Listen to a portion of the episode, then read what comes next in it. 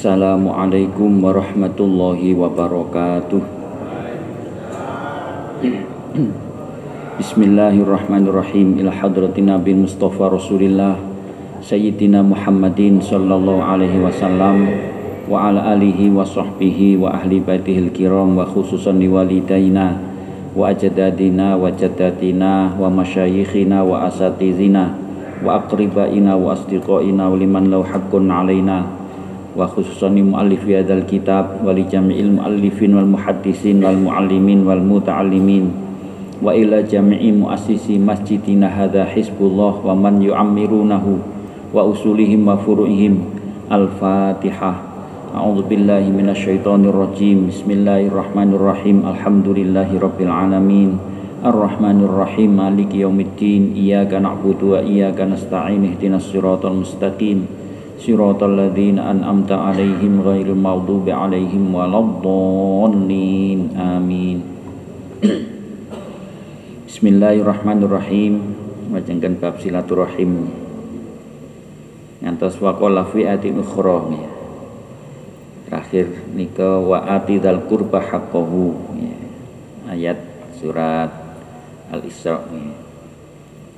Terus teng Al-Qur'an kata sangat perintah-perintah agar kita selalu menjalin silaturahim, menyambung hubungan kekerabatan kalau ini surat An-Nisa ayat setunggal Wattaqullah ladzi tasaaluna bihi wal arham. Lajeng surat Al-Isra wa atidal qurba haqqahu. Wa qala fi ayatin ukhra innallaha ya'muru bil adli wal ihsan wa ita idil qurba. Iki surat uh, An-Nahl Nahl ayat 90 Innallaha temene Gusti Allah niku yakmuru merintah. Dadi niki tegas timang Allah memerintah pada kita semua. Sedaya manusia diperintah kali Allah.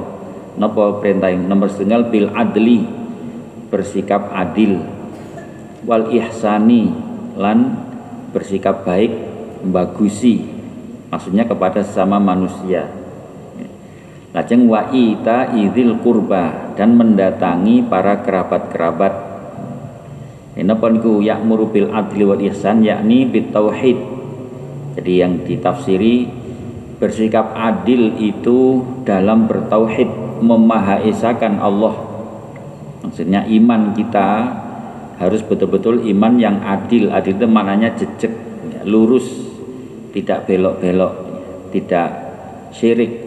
Betul-betul hanya tauhid saja. Niku bil adli maknani lajeng wal ihsan ini. Wa huwa syahadatu alla ilaha illallah. Yang dimaksud al adl niku nggih syahadat niku la ilaha illallah. Tidak menuhankan apa pun selain Allah. Jadi yang disembah yang diharap yang dipatuhi yang ditaati ditakuti itu hanya Allah saja itu maksudnya adil Lajeng wayak murupil ihsan nomor kali merintah agar berbuat baik yakni ilan nas ya, kepada sama manusia wal afwi anhum dan mudah memberi maaf. Jadi boten dendam, boten murang-muringan. Gampang memberi maaf nih mana ihsan. Jadi ihsan itu baiklah kepada sama manusia. Kalau misalnya kata ini kalau nek didolimi ya wis sepuro ae wis gak usah diurus ngeten mawon wong menungso kok diurus. Jadi niku namanya ihsan. Ihsan itu al-af memberi maaf. Mungkin memang karena ndak tahu bisa jadi kan kan singkatan ngoten. Jadi mergo ngerti sehingga salah napa salah ucap apa salah sikap apa salah perbuatan. Ya karena ndak tahu nah sudah maafkan saja ndak usah diurus dilaporkan polisi jadi ruwet tambahan kok polisi ini ya repot jadi repot kabeh ini. Tapi lek gampang nyepura pun mari nggih.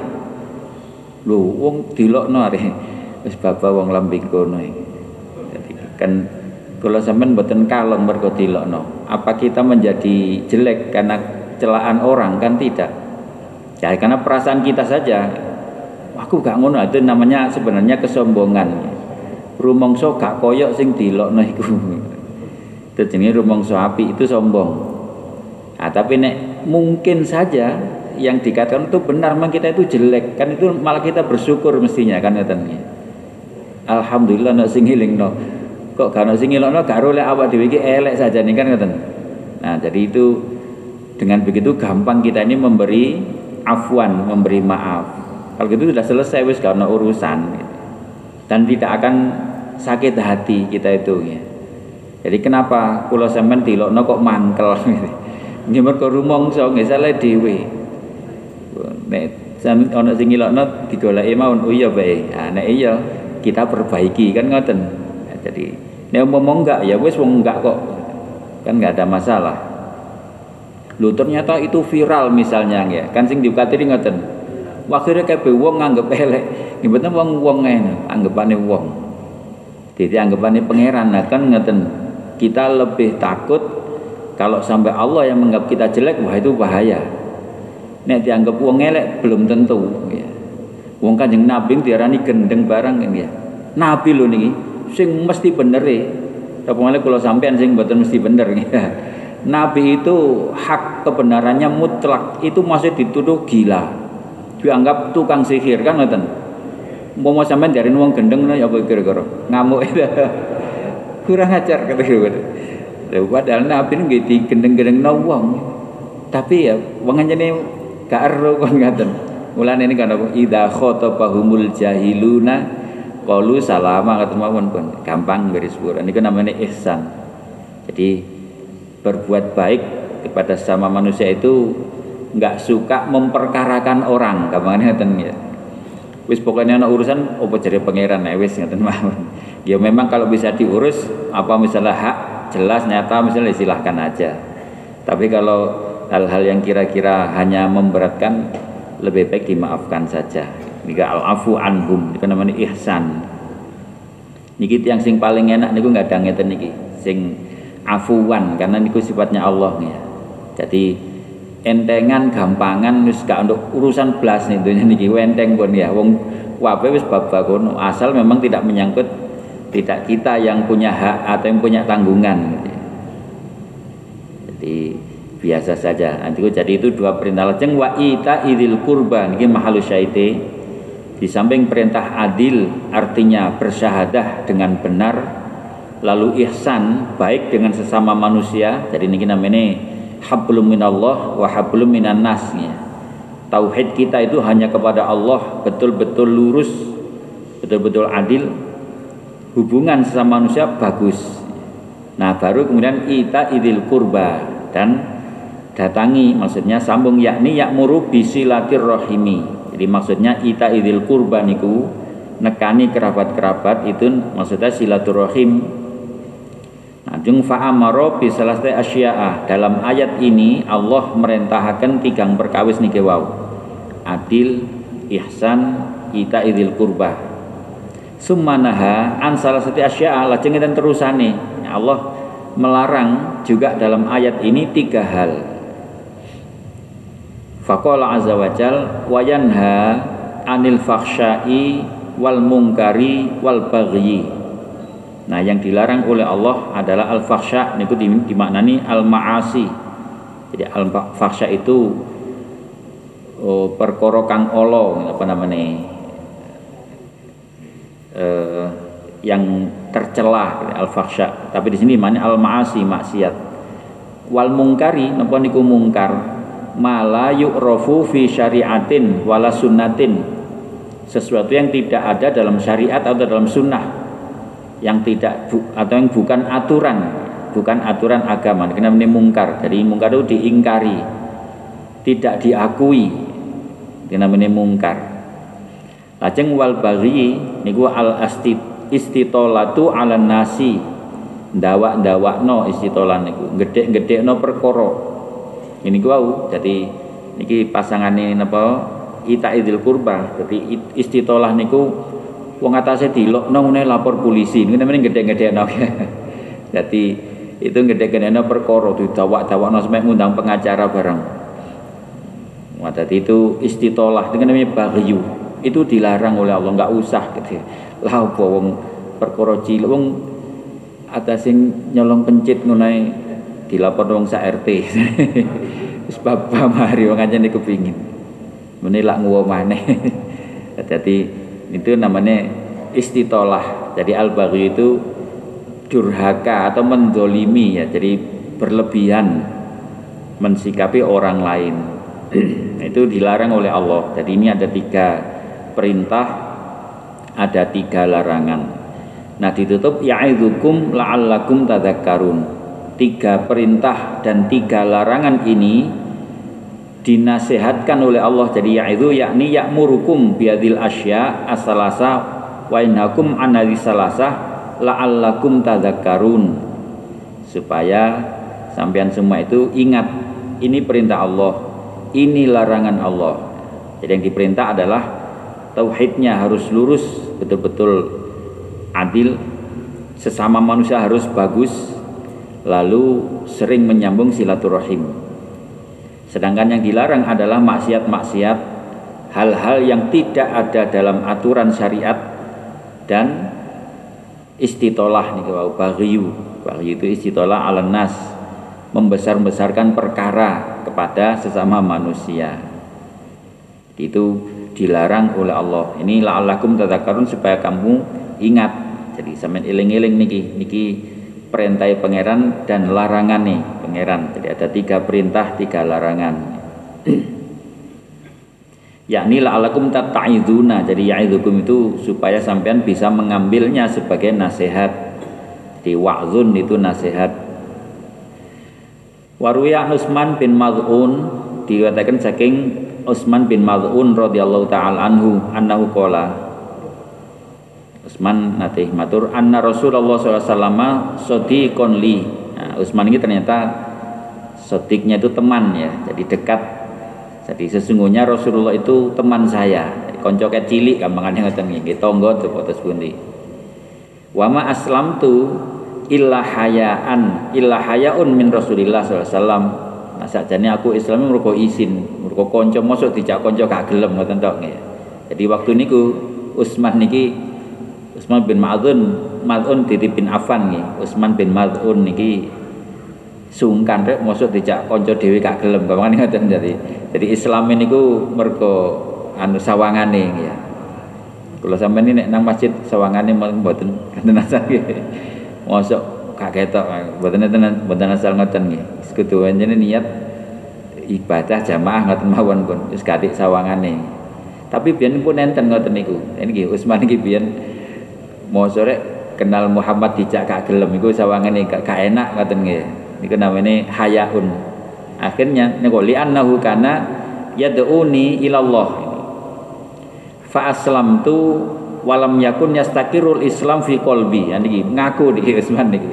Akhirnya ya sawangane wong gak enak akhirnya karena li annahu kanat uni ilallah dia Muhammad ini mengajak saya kepada Allah fa aslam tu maka saya juga pasrah saya juga masuk Islam tapi walam yakun yastakirul Islam fi qalbi tapi Islam itu gak yakin gak mantep wis wis pokoknya kayak apa kabang lambi lah gitu ini kok sawangane mosok dijak kagel wis gelem ngono. Tapi mboten temenan. Jadi atine mboten mantep. Niki Usman niki ngaku. Akhirnya fajalastu indahu yauman. Nah, satu hari ya karena bagaimanapun teman ya tetap bersama meskipun niki wau Islamnya sih kurang mantep ya. Yuhatisuni idza arada anni. Nah, satu ketika saya duduk bersama Muhammad itu dia bicara dengan saya tiba-tiba arodo ani tiba-tiba berpaling noleh asalnya mungkin ngomong di kini tiba-tiba noleh ke sini atau sebaliknya Cuman di kini meronapi noleh nang arah lain yang di situ tidak ada orang sebenarnya gitu. Afaka anna yuhadisu ahadan bijanibihi ini kata Utsman seakan-akan Nabi itu bicara yuhadisu dengan seseorang di sampingnya. Padahal Utsman betul ningali ya. Enak-enak omongan meluru lah kok Nabi noler ini. Ngomong karo iki sapa iki ngeten mboten sumerap. Akhirnya summa akbal alaiya bareng ngeten lajeng madhep teng Utsman malih. Akbal madhep saya lagi fakola. Nazala Jibril alaihissalam. Nah jadi Utsman niki niki cara untuk napa meyakinkan ya. Tadi kan mboten yakin Utsman niki wis pokoke abang-abang lambe ya. Bareng ngono pas ngomong lah kok Nabi ini ngomong karo seseorang tapi saya tidak tahu. Nah, baru cerita. Iku mang Jibril nazala Jibril alaihissalam faqara'a alayya dzil ayati nah niki. Jibril nuruno ayat iki. Nah, jadi Utsman bin Mad'un tahu saat diturunkannya ayat niki An-Nahl 90 niki. Innallaha ya'muru bil adli wal ihsan wa ita idil kurba wa yanha 'anil fahsya'i wal munkar wal baghi niki wawnya la'allakum tadhakkarun. Ya'idzukum la'allakum tadhakkarun. Jadi ayat ini langsung disampaikan kepada Utsman man Utsman mau lu Jibril teko ngeke ayat iki mau. Akhirnya fasarortu didzalika waduh saya senang. Wah saya melihat sendiri bahwa betul Muhammad itu didatangi malaikat dan dia menceritakan ayat ini. Ayat ini kan sebelumnya belum pernah ada, kan belum kan baru turun ya. Dan berdasarkan secara nopo logika itu betul-betul firman tidak mungkin Muhammad bicara seperti itu. Nabi Muhammad itu kan ummi ya. Bukan orator, bukan ahli pidato. Tapi bisa menyampaikan hal yang luar biasa. Innallaha ya'muru bil adli wal ihsan wa ita idil qurbah wa 'anil wal munkar wal bagh. Ini kan tidak mudah orang menyusun kalimat seperti itu. Ada tiga perintah, ada tiga larangan nah, menyangkut ini ini ini. Itu kan langsung secara akal itu wah benar kan ini wahyu ini gitu. Itu akhirnya fasaror tuh saya gembira sekali, saya senang. Maka wastaqarrul Islam fi kolbi.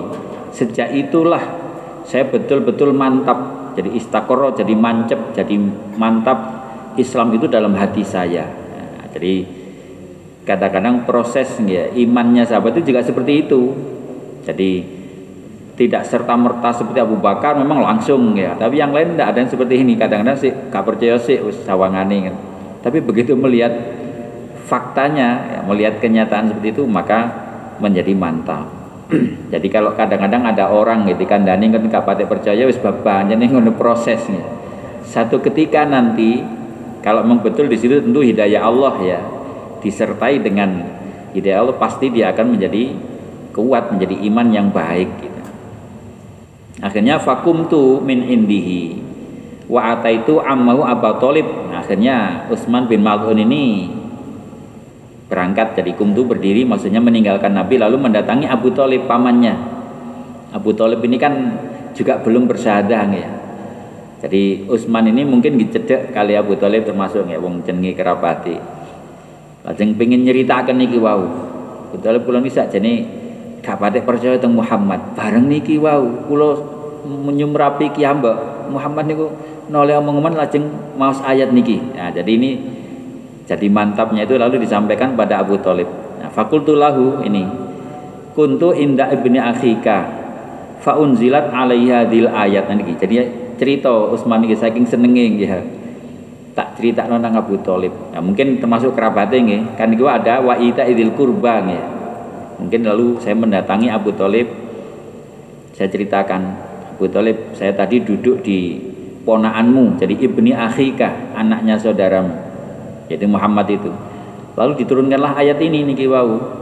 Innallaha murbil adil wa ihsan wa ita idil kurba akhirnya fakwal Abu Talib lajeng Abu Talib menjawab tabi'u Muhammadan tuflihu wa tursyidu atau watar syudu boleh.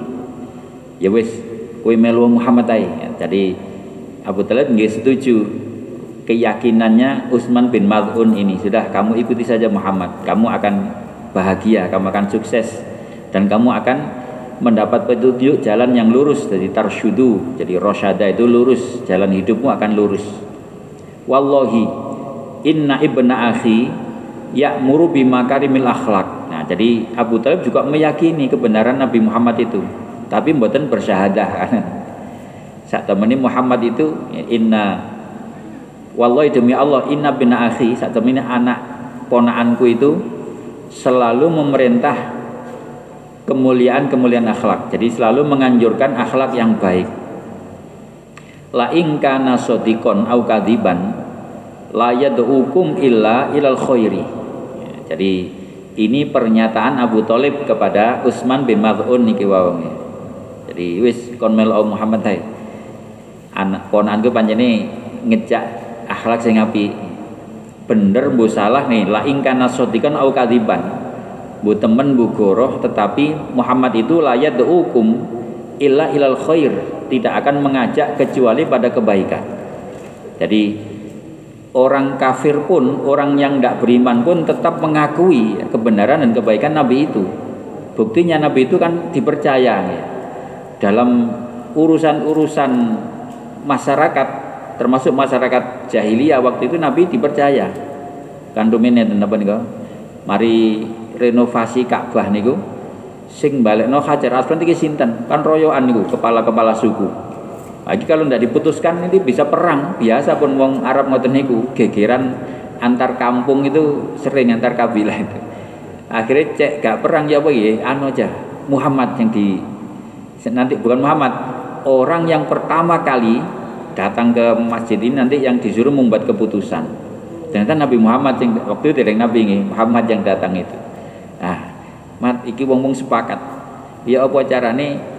Hajar Aswad ini balik nanggone iki siapa yang paling berhak? Ini kan betul mudah nih wong semua tokoh-tokoh semua merasa paling berkuasa. Akhirnya Nabi beber serbani wis nih wong pira wong papat nggih beben kono cekel kene kene kene nggawa kabeh bareng. Lho iso katene jadi masalah serban beres pun gak perang. Itu sejak itu maka Nabi ini selalu di dijadikan tokoh. Ya. meskipun mereka tidak beriman tapi percaya kepada orangnya bukan pada ajarannya. Gitu. pada Muhammad ini. Ini makanya termasuk Abu Talib pamannya sendiri sudah kamu ikuti aja. Nyatanya yang diajarkan Muhammad itu sesuatu yang baik. Benar apa salah? Jadi memang waktu itu rupanya belum yakin juga ya kebenaran atau kesalahan ajaran itu. Faktanya dia tidak mengajak kecuali pada kebaikan. Ya sudah. Jadi artinya apa? Kalau toh tidak diimani kalau toh orang tidak beriman pada ajarannya paling tidak secara Napa secara kemanusiaan nih, secara akal logika manusia itu benar ajaran di bawah Nabi ini. Baik gitu. Jadi dengan logika mana pun yang sehat ya, pasti menerima kebenaran ajaran ini. Jadi kalau menolak itu ya nek di Quran gitu disebut tidak berakal kan gitu. Jadi logika jahiliyah pun mengakui kebaikan ajaran ini.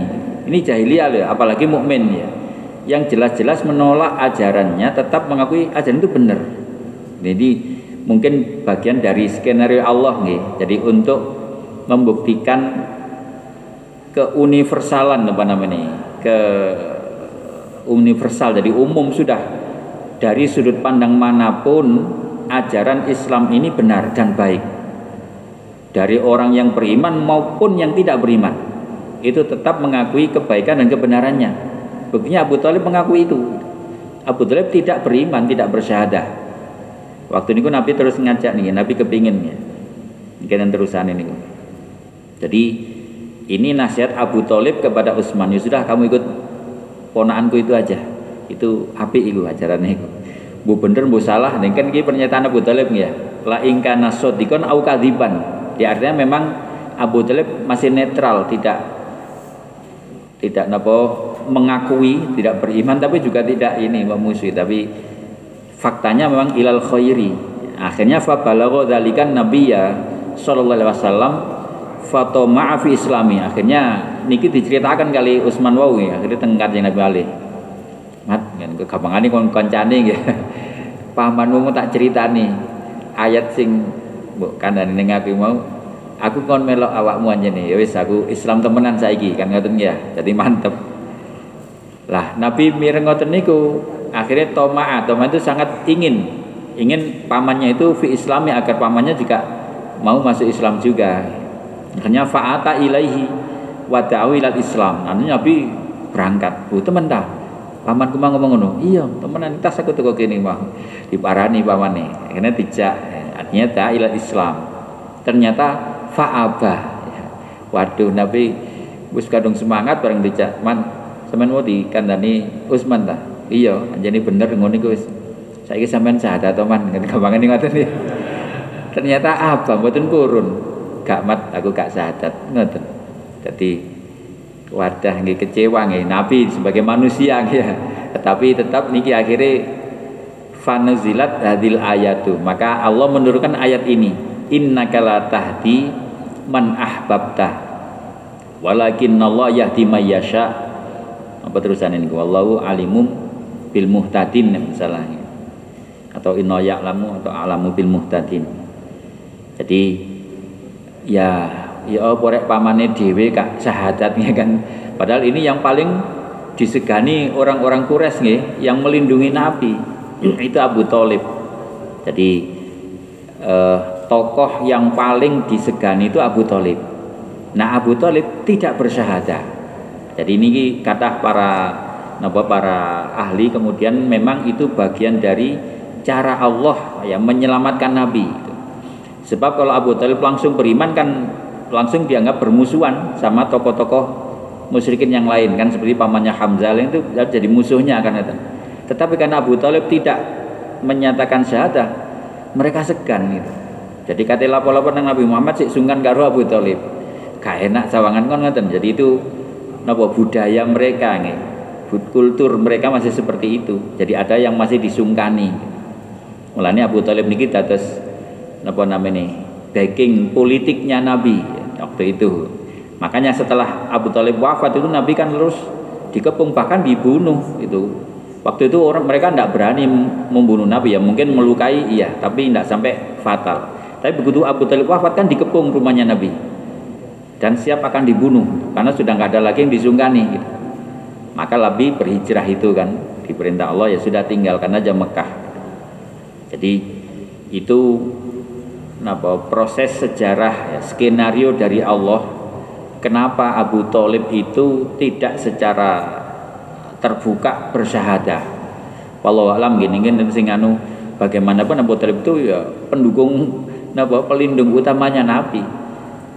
Sukses dakwahnya Nabi tidak mungkin dipisahkan dari peran Abu Talib itu. Pasti ada kontribusi besar.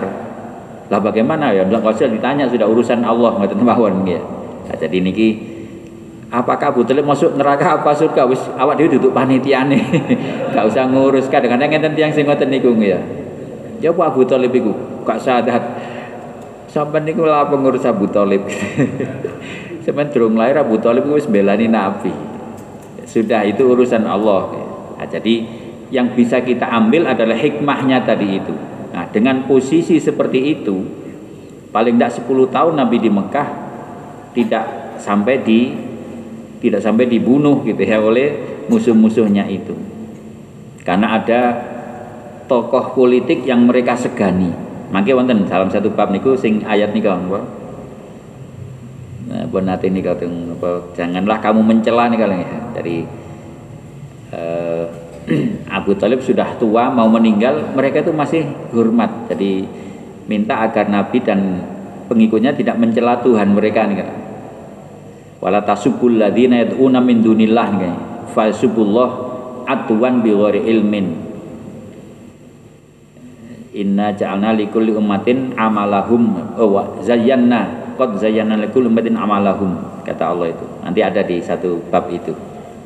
Jadi sungguh pun Abu Talib ini sudah tua waktu itu sudah sakit tapi tetap disungkani oleh orang-orang Quraisy oleh orang-orang jahiliyah atau musyrik Quraisy itu sehingga untuk berhubungan dengan Nabi melewati Abu Talib dulu. Jadi nggak berani langsung.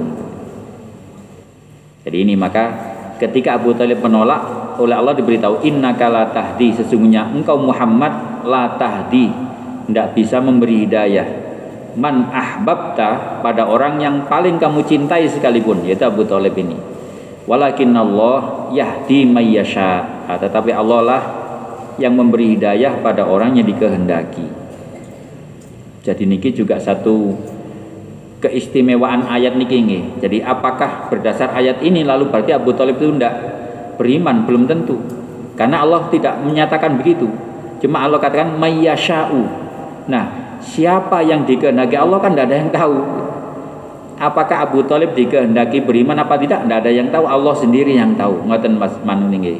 Jadi jangan kita memfonis yang memang secara lahir tidak bersyahadah bahkan diajak Nabi sendiri Abu Talib abah tidak mau menolak kan menolak bersyahadah nah cuman kata Allah begini jadi ini untuk menjelaskan kepada Nabi bahwa hidayah itu otoritas Allah sendiri. Kamu Muhammad meskipun Nabi nih tidak akan bisa. Tetapi Allah lah yang nika yahdi mayyasha'u yang memberi daya yang dikehendaki. Nah, jadi ya sudah dengan ayat ini sudah cukup bagi kita memahaminya itu. Jadi hidayah itu bukan dari nabi, tapi langsung dari Allah sendiri. Nah, lalu tidak usah diurus bagaimana Talib, tidak usah tanya lagi sudah. Pun niku penjelasannya Allah sudah cukup ngaten niku ya. Nggak usah ngurus urusannya pangeran kan ngaten. Jadi kadang-kadang niku oleh ngurus ya Abu Talib kan urusannya pangeran. Urusannya pangeran kok diurus nih ruwet ya nggak mungkin kita jangkau. Cukup kita imani saja ngaten nggih. Nah, jadi ini kadang-kadang kita itu sulit ya karena salah dewe napa jenenge? Ngangkani yang di luar kemampuan ya Wong itu urusannya pangeran kok diurus. Hidayah itu otoritas Allah. Kita memang diwajibkan mengajak seperti Nabi itu tugasnya disampaikan. Ayo sebenarnya itu tugas Nabi. Kita juga diperintah amar ma'ruf kan rubin ngaten ya? Kita diperintah mengajak orang ya sudah. Dia mau apa tidak itu sudah bukan bukan kewenangan kita. Nah, tugas kita hanya apa nih upal hukum nih kan nabi ini upal hukum risalah robbi saya hanya menyampaikan saja risalah dari Tuhan. Tapi apakah lalu kamu faham apa enggak itu bukan kemampuan saya. Apalagi ikut apa tidak itu lebih-lebih lagi sudah bukan kemampuan saya lagi. Jadi tidak bisa kita makanya la ikroha fitin ya. Waktu nangsal dipaksa aku itu. Jadi tidak boleh dipaksakan. Allah lah yang maha memaksa Allah yang maha menentukan. Itu memahami ayat ini sehingga posisi kita itu jelas nih. Fakot Allah azza wa jal fi ayat silaturahim nani dah dalam ayat ini meskipun Abu Talib ini tidak bersyahadah bahkan Nabi mendatangi yang namanya kan silaturahim nih. Jadi Allah menyebutkan dalam ayat ini uh, kamu itu tidak bisa beri hidayah. Meskipun orang itu kamu cintai yaitu pamanmu sendiri tapi Allah. Ah dalam hal ini ada sebenarnya tersirat namanya ini tersembunyi ada perintah untuk tetap berhubungan baik dengan orang yang kamu cintai itu yaitu pamanmu meskipun dia tidak bersyahadah jadi inna kala tahti nek masalah hidayah tidak usah tidak usah ikut campur kata Allah. Itu urusan saya. Tetapi dia adalah kerabatmu. Kamu mencintai dia ya datangi. Maksudnya ngaten nih jadi ini ada perintah silaturahim. Lajeng wonten malih surat Muhammad. Wa qala fi atin ukhra fahal asaitum in tawallaitum an tufsidu fil ardi wa arhamakum jadi apakah kamu asa itu satu saat atau kiranya? Apakah kamu akan ngerti intawallaitum kalau kamu itu menjadi penguasa jadi tawalla itu diberi kekuasaan bu tadi presiden bu tadi napa tadi pejabat gitu ya. jadi orang yang menguasai antuf situ fil ardi nanti kamu akan melakukan kerusakan jadi berbuat kerusakan di muka bumi waktu kotiu arhamakum dan kamu memutus kerabat-kerabat ini aslinya peringatan dari Allah nih, banyak. Jadi meskipun tidak semua, banyak orang itu kalau sudah menjadi penguasa itu merusak. Jadi tidak baik. Yang baik juga ada, ya. tapi yang tidak baik itu ada dan banyak. Ini ini kecenderungan umum ya. kecenderungan umum manusia itu kalau sudah jadi penguasa itu biasanya tufsidu atau ifsad. Bu kebijakannya, bu perilakunya kan ngeten nggih.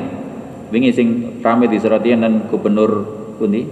Waya covid tuku motor rong miliar. Sumatera Barat ya akhirnya tiga no satgas covid saking isine nah, jadi ngingetin niku. Ono alasannya ini kan sudah dianggarkan. Iya wong anggaran bisa men dhewe sing gawe karo DPR padha wae. Itu namanya kebijakan. Jadi kecenderungan umum ya. Manusia itu begitu kalau sudah jadi penguasa itu kecenderungannya itu merusak, tidak membuat baik. Jadi yang membuat baik juga ada, nih. tapi banyak yang begitu. Ini maksudnya nih. Jadi ayat ini dirilis oleh Allah supaya difahami ya, oleh manusia itu. Dan lagi ini tukotiu arhamakum. Kalau sudah jadi pejabat itu sukanya memutus kekerabatan. Jadi ndak mau nyambung lagi itu kebanyakan ya mulane malin duwe ajudan kan ngoten malin duwe anu kate ngomongnya gak iso lek lewat wong iki kan. Jangankan pejabat kadang-kadang balik top ngoten kudu ono EO ne ngoten ya. Kate itu malah gak iso. Sapa anune kontak persone wale ngoten. Dadi kudu lewat wong liya wong liya. Saking repote. Ya, jadi itu namanya tukoti arhamakum biyen niku gampang kok iso saiki malah gak iso nek HP ini dicekel iko dicekel iko liwat kono nah, jadi ini bisa jadi ini, tapi bisa juga tidak mungkin kalau memang ajudannya paham harus lebih ini bulannya rumen nek Gus Dur kan betul purun gitu. Di presiden langsung can ya ya diundang kabeh mlebu istana kabeh. Oleh putuskan gitu. Sapa wae wis oleh mribu mriko sampai tukang pijet oleh. Sinten sing mboro ini.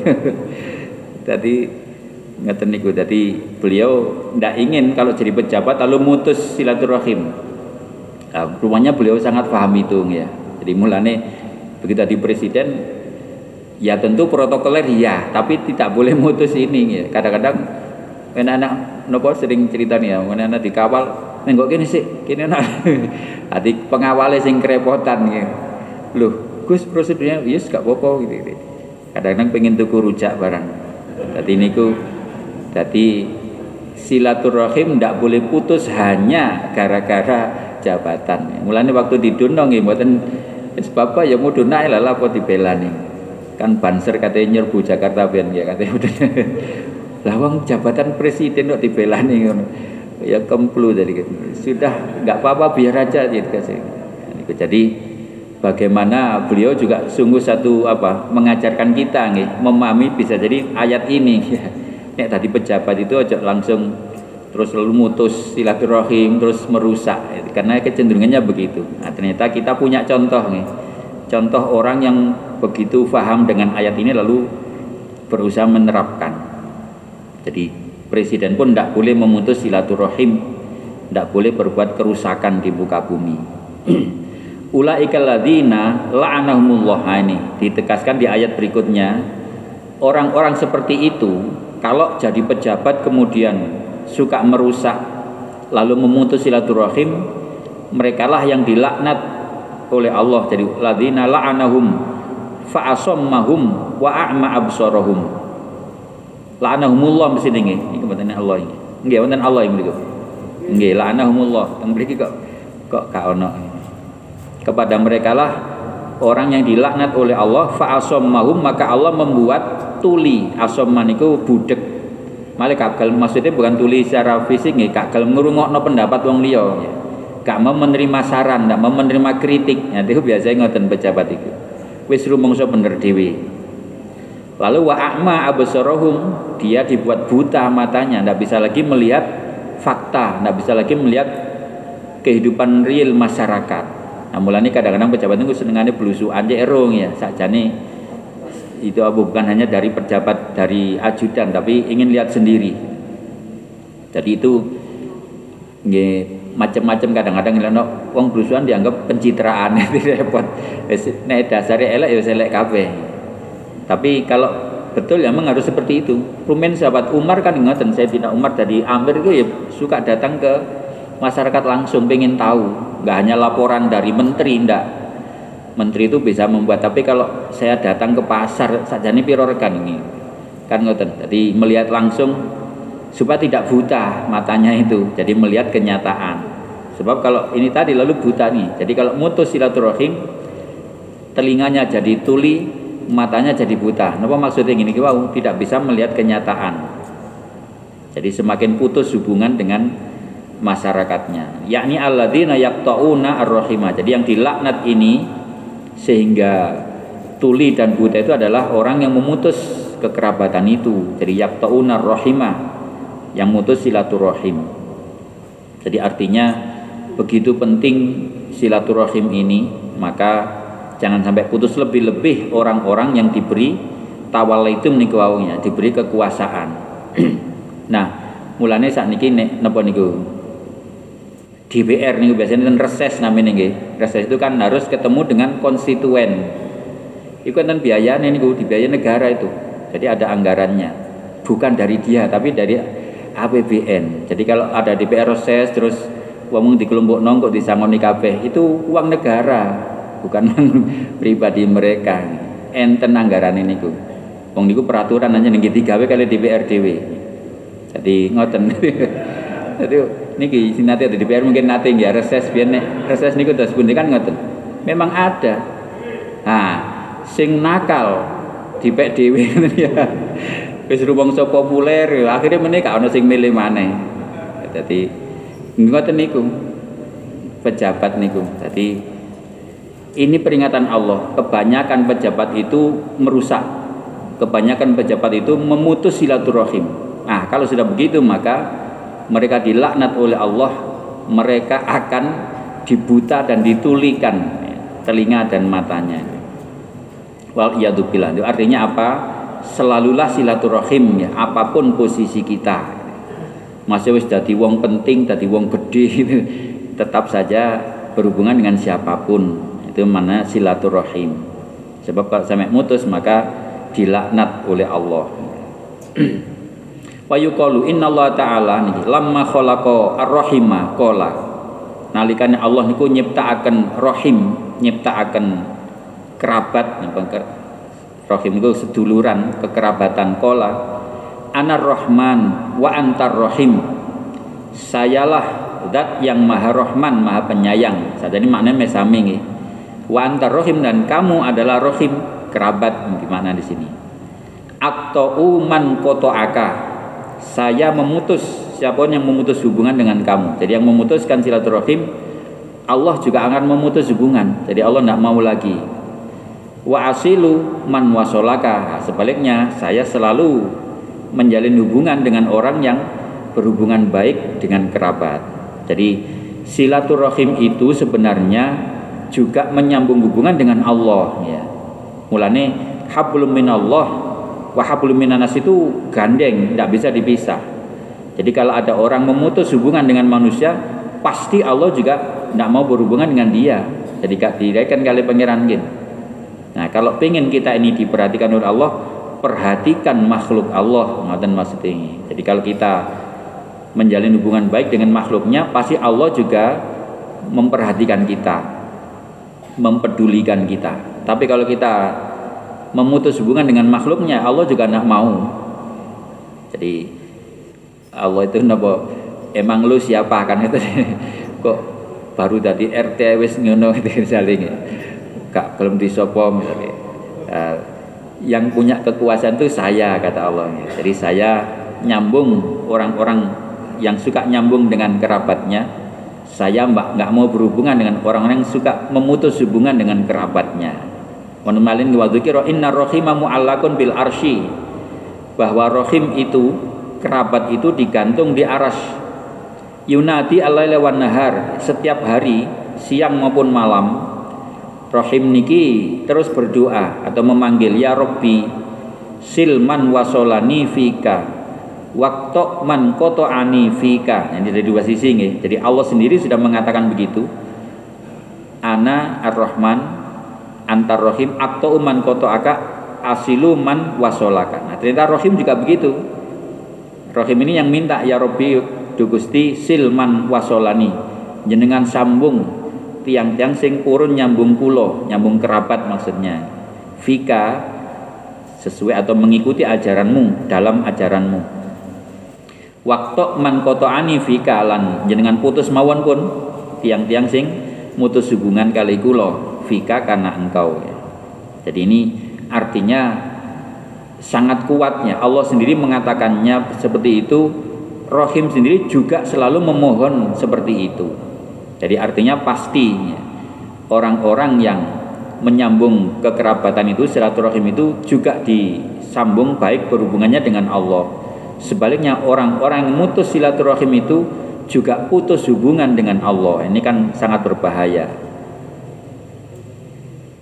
Waqala Hasan Al Basri ini untuk Imam Hasan Basri dawuh rahimahullah idza azharon nas al ilma nah, ini singkatan ini apabila banyak orang telah azharo melahirkan menampak-nampakkan ilmu wadoyiu al amala tetapi menyia-nyiakan amal artinya tidak beramal. Nek ilmune wah sundul langit pendeknya kitabe pirang-pirang lemari misalnya. Nek ngomong kabeh wong setuju. Tapi kelakuane gak cocok lah ini namanya doyul amal. Tapi amale gak ono. Ilmune koyo iya iya tapi tibane nggih amale enggak jadi doyul amal. Lajeng tahabbu bil al sini nah niki saling suka hanya tapi dengan mulut ngene kau koyo abang-abangi lambeng ya sawangan nih tapi tabaghadu bil kulub sakjane atine itu mangkel. Jadi apa namanya? Lip service nya pencitraan. Wah neng ngomong koyo iya iya kong seneng kabeh. Wah saya itu suka. Tapi sajane atine mboten. Itu namanya tabaghadu bil kulub watakotou bil arhamna. Bahkan juga saling memutus silaturahim. Jadi itu napa namine ngene iki hanya lahiriah. Jadi hanya pencitraan saja. E, koyo-koyo ilmu niyo tapi amale gak cocok. Ngaku-ngaku seneng ambek wong tapi gak tahu sakjane atine gak seneng gitu kan. Ini tabaghut bil kul malu memutus silaturahim. La'anahumullah. Maka orang-orang seperti itulah yang dilaknat oleh Allah. Fa'asammahum. Allah membuat tuli telinganya. Wa a'ma absarahu membuat buta matanya. Ini wow jadi sehingga tidak bisa lagi melihat kenyataan ya. jadi orang-orang seperti itu hidup dalam kegelapan.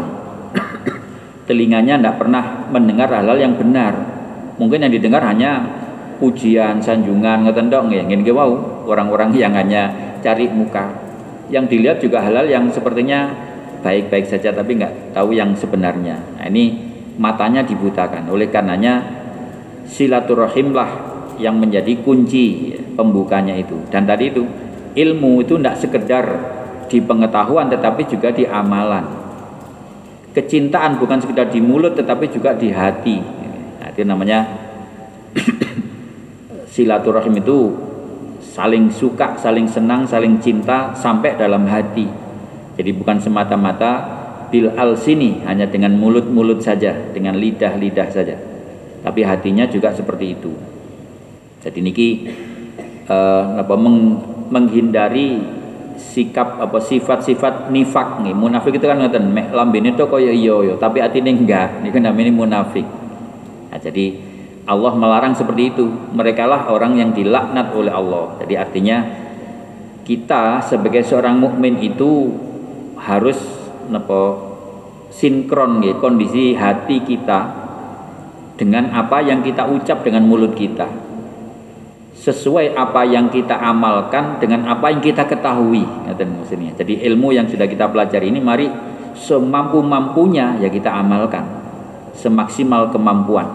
Kalau kita menyukai seseorang itu ya dengan hati bukan sekedar omongan, bukan sekedar apa lip service nih ke wow tapi betul-betul memang hati kita suka. Dan memang tidak perlu kita membenci siapa pun. Jadi kalau bisa memang tidak ada. Nih wow rasa ghillun wala hikdun wala hasadun. Itu ciri-ciri ahli surga itu kalau hatinya tidak ada kebencian kepada siapa pun. Kata Nabi ini kan buatan natihnya bahkan kepada orang memusuhi Nabi itu Nabi tidak benci tapi Nabi kasihan kan ngoten. Nabi itu rahmah menyayangi mereka tetap diajak.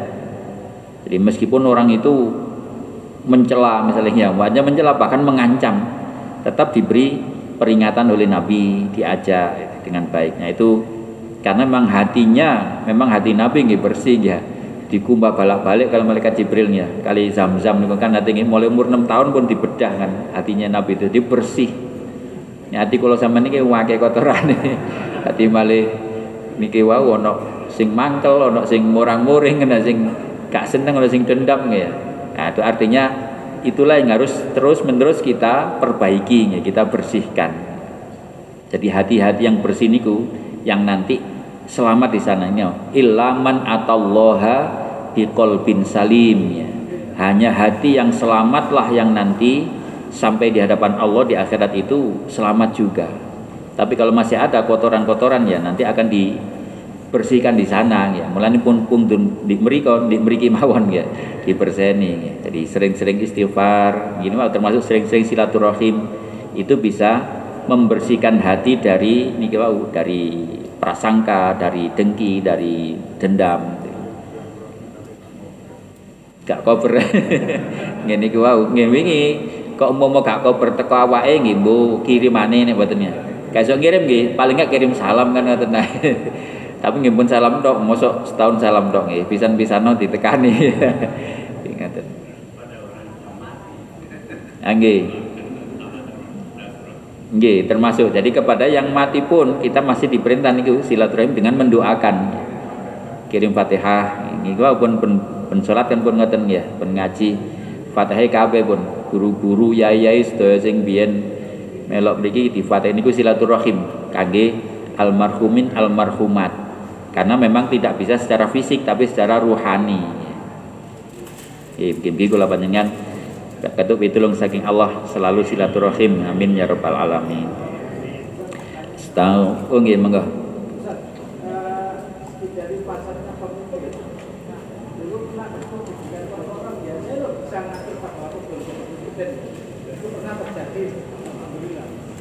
setelah orang sekarang apa jabatan salah dalam jabatan sedikit pun itu apakah setelah punya jabatan selesai apakah dalam perjalanan karena sulit ya memang ada hadis Nabi jadi termasuk napa niku? Abdul Jihad napa niku? Qaulul haqqi inda imamin jairin niku kalau memang pemimpinnya itu jair ya tapi kalau tidak jair ya tidak tapi tetap boleh. Memang boleh masyarakat itu menyampaikan usul atau kritik atau pendapat. Ya kalau memang itu baik silahkan disampaikan. Tapi tentu pejabat punya otoritas punya kewenangan punya aturannya ada prosedur. Nah itu yang juga harus dipatuhi terus buatan terus langsung sembarang terus kuape ingin kasih tahu kakak penyambut gawe presiden ini ya bahwa yo ada ajudan ada menteri ini ya memang itu karena banyak yang diurus nggak mungkin diurusi presiden dewi ya. Oh pergi masalah pergi oh menteri PU masalah apa ini bansos oh menteri sosial kan masalah sekolah oh seni pendidikan jadi itu wuzarok namanya para pembantu atau para menteri memang karena banyak urusan maka mengangkat orang-orang yang ditugasi bahkan nanti ada lagi hierarki ya. Menteri dan direktur-direktur jenderal dan seterusnya itu semua dengan urusan masing-masing. Nah makanya tapi komando tetap dari pemimpin tertinggi. Kebijakan umumnya begini. Nah, silakan menteri membuat keputusan, dirjen membuat peraturan dan seterusnya. Jadi boleh berpendapat mengajukan saran, tidak urus nunggu turun ya saat menjabat juga boleh, tapi tentu sesuai prosedur dengan cara yang baik. Astaghfirullah Rabbal Baroya Astaghfirullah minal ya Rabbi zidni ilman nafi'a wa waffiqni amalan solihan maqbula subhanakallahumma wa bihamdika asyhadu an la ilaha illa anta astaghfiruka wa atubu ilaik. Assalamualaikum warahmatullahi wabarakatuh